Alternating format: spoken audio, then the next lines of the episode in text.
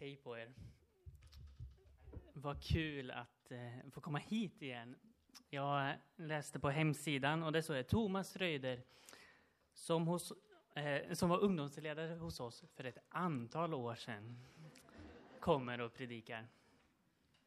I höst så blir det faktiskt tio år sedan jag började här i Tranås. Tio år. Eh, det känns ganska konstigt tycker jag. Men eh, på den tiden så hade jag både mer hår och eh, bättre syn, så tiden kanske sätter sina spår trots allt, även på mig.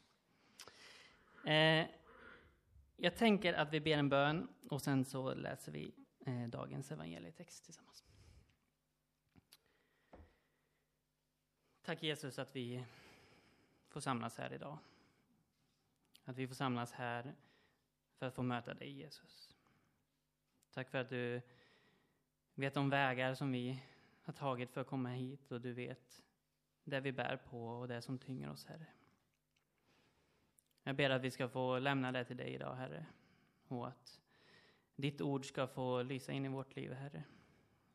Och det som du vill att vi, vi ska få höra, det ska få stanna kvar och landa i våra hjärtan, Herre. Och det som inte hör dit, det ska få falla bort, Herre. Kom med din heliga Ande, Herre, och led och var med oss. Amen. Eh, dagens evangelietext är från Matteus kapitel 7, verserna 13 och 14. Och jag tänker att vi kan stå upp för er som eh, vill och kan och orkar. Eh, men det är bara två verser, så det är inte så långt. Gå in genom den trånga porten. Ty den port är vid och den väg är bred som leder till fördärvet. Och det är många som går igenom den. Men den port är trång och den väg är smal som leder till livet. Och det är få som finner den. Amen. Varsågoda och sitt. Det finns eh, en berättelse, jag har hört den i eh, ganska många olika tappningar, men ni får höra den eh, i en äldre version som, som jag har hört. Eh, och det handlar om en amerikansk professor i teologi. Och han ska resa till Nordkorea för att predika. Och han reser dit och eh, han kommer till en väldigt, väldigt fattig by där han ska predika. Och han har med sig en tolk som ska översätta. Och den här professorn han är från ett väldigt berömt universitet. Och eh, när han ska börja sin eh, predikan så börjar han så här. Allt medvetande är uppdelat i två kategorier. Det abstrakta och det konkreta. Och tolken han ser sig runt i lokalen och han ser en mormor utan tänder och han ser en skolpojke utan skor. Och han översätter jag har rest hela vägen från USA för att berätta om Jesus Kristus för er idag. Och från den stunden så var predikaren helt i tolkens händer. Och det finns gott i det här med att diskutera liksom, teologiska begrepp och tankar eh, och bibeltexter. Och jag tror att dagens text öppnar upp för det idag. Jag tänkte ge er tre olika tankar eller tolkningar som jag vill att ni ska ta med er och fundera på. Men det viktiga här är att det blir relevant för där du är i ditt liv. För den amerikanska teologen kanske var lite fel ute i vilken nivå han la på det.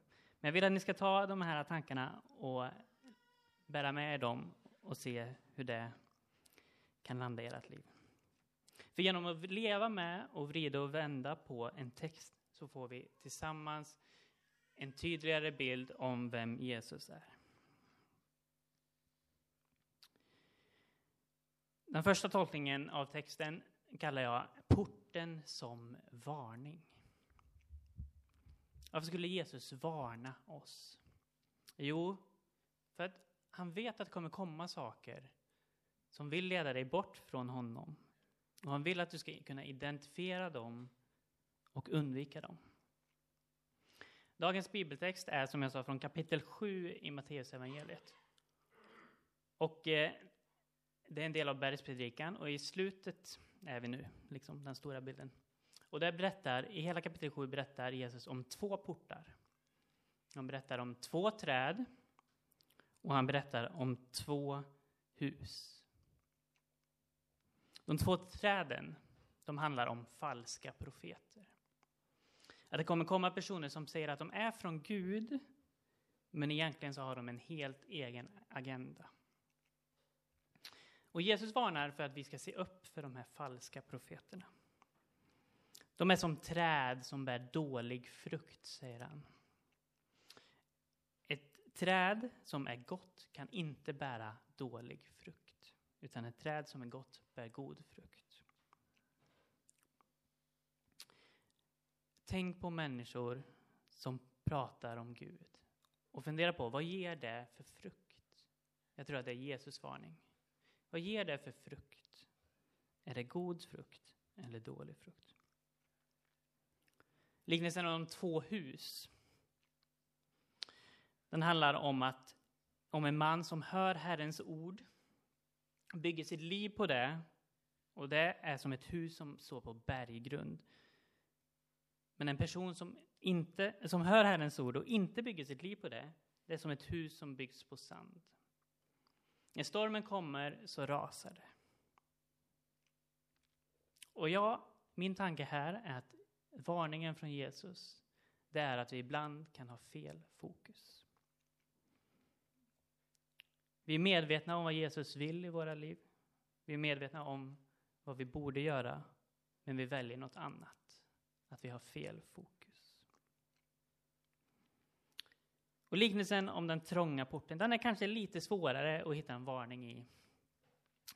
Men senare i evangelius, eh, Matteus evangeliet berättas det om en rik man. Och han har följt lagen och gjort allt som förväntas av honom. Men när han kommer till Jesus så säger Jesus, sälj allting du äger och följ mig. Och den här mannen, han blir bedrövad för han ägde mycket. Och då säger Jesus det här som ni kanske känner igen. Det är lättare för en kamel att komma in genom nålsögat än för en rik man att komma in i Guds rike. Och nålsögat, det är ju precis den här porten som Jesus pratar om. Den trånga porten. För vid den fysiska porten in i en stad så fanns det en stor port som var öppen och det fanns en liten dörr. Och det, den lilla trånga porten kallades nålsögat. Så vad är det som händer här? Jo, Jesus klämmer precis på den där ömma punkten hos den där mannen. Som hindrar honom för att komma närmare Jesus. Varför? Jo, för han har sin rikedom lite som en reservplan. Ja, men jag gör allt jag kan, men jag är också väldigt rik. Det är liksom, jag lutar mig mycket på det. Så jag tror att Jesus varning här, det är använd inte Jesus som en reservplan. Förlita dig inte för mycket på världsliga ting, utan förlita dig på Gud. Först av allt Gud. Och Jesus han varnar för de här tre sakerna. Och var uppmärksamma på dem i ditt liv. Så att det blir lättare att se när det blir dålig frukt. Att det blir lättare att se när du har fel fokus. Och det blir lättare för dig att se när du använder Jesus som din reservplan.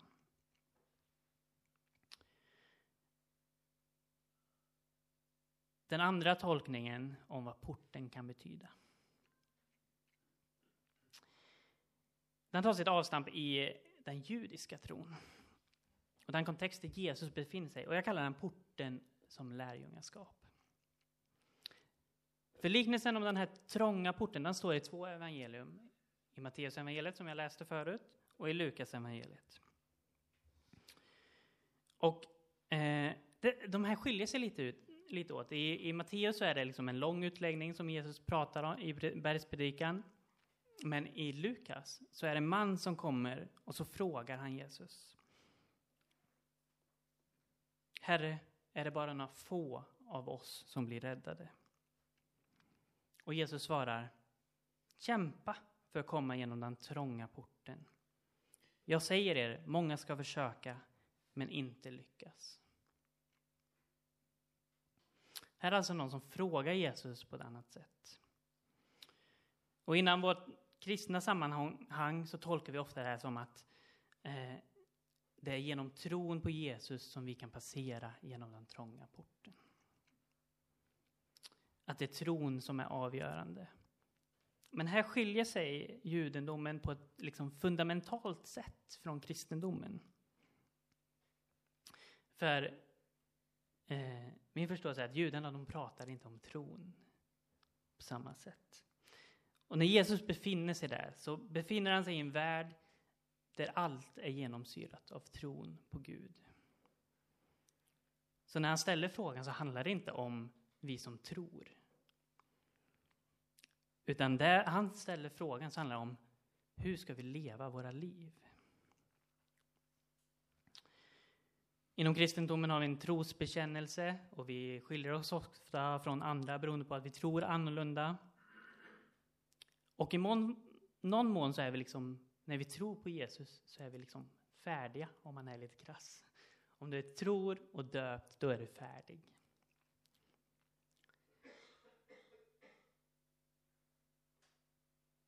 Tanken inom judendomen är istället att du ska följa lagen och du ska följa Toran.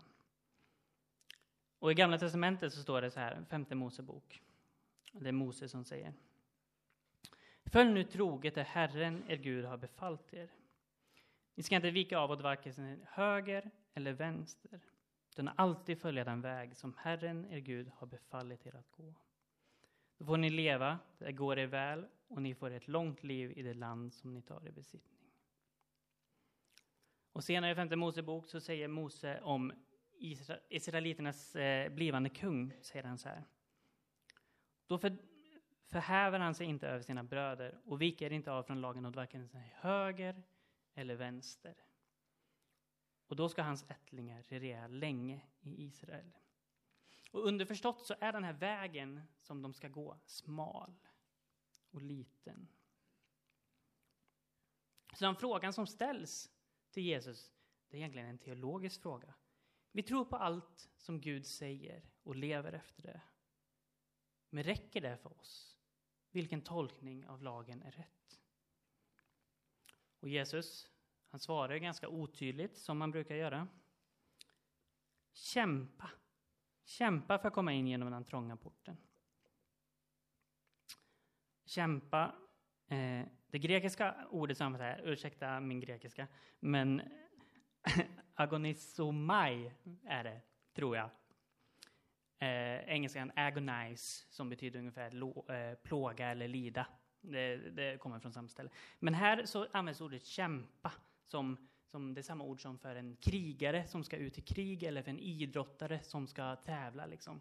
Det är den kämpa de pratar om. Det är en väldigt aktiv handling. Kämpa för att ta dig genom den trånga porten. Kämpa för att följa lagen och de dygderna för att närma dig Gud. Eller översatt till, till idag, kämpa för att följa den väg som Jesus har lagt ut för dig.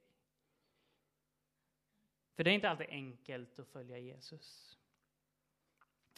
Det är inte utan att kämpa.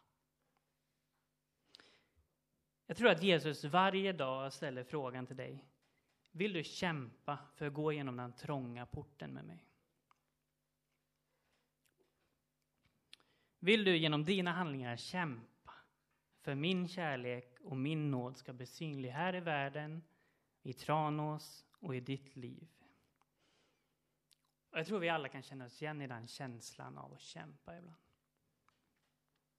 Oberoende om kampen handlar om att man ska ta sig ur sängen på morgonen, orka ringa ett samtal,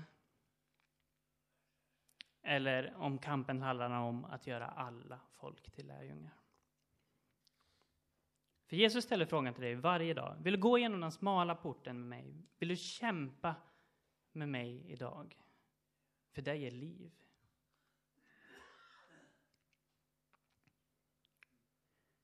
Den tredje och eh, sista tolkningen som jag vill skicka med er idag. Det är porten som en gåva. Gåvan av frälsningen. För att gå igenom den smala och trånga porten, det är svårt. Och många som har försökt kommer misslyckas.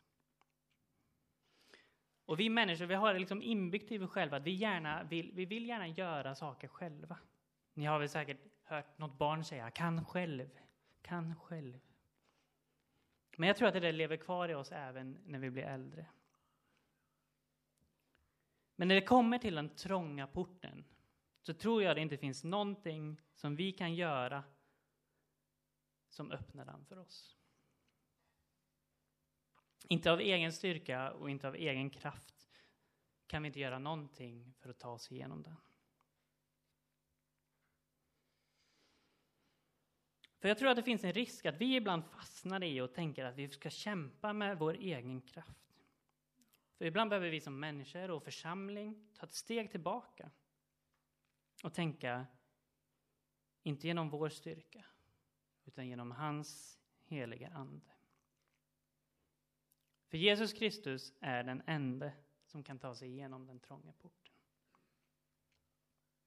För när Jesus dör på ett kors så öppnar han den porten för oss. Han tar all vår synd och skuld på sig och öppnar porten för oss. Och han står där med öppna armar och öppnar porten åt dig. För den som ber, den ska få. För den som söker, den ska finna. Och för den som bultar, så ska dörren öppnas. Men jag tror också för oss är inte det svåra liksom att Jesus har öppnat dörren. Utan snarare att ta emot det som en gåva. Den största gåvan man kan få, som man inte har gjort någonting för att förtjäna. För det är inte våra handlingar som frälser dig och mig. Utan det är Jesus på korset som frälser. Och vår roll är att acceptera våra brister och ge upp och överlämna allting till Jesus. Enbart av nåd.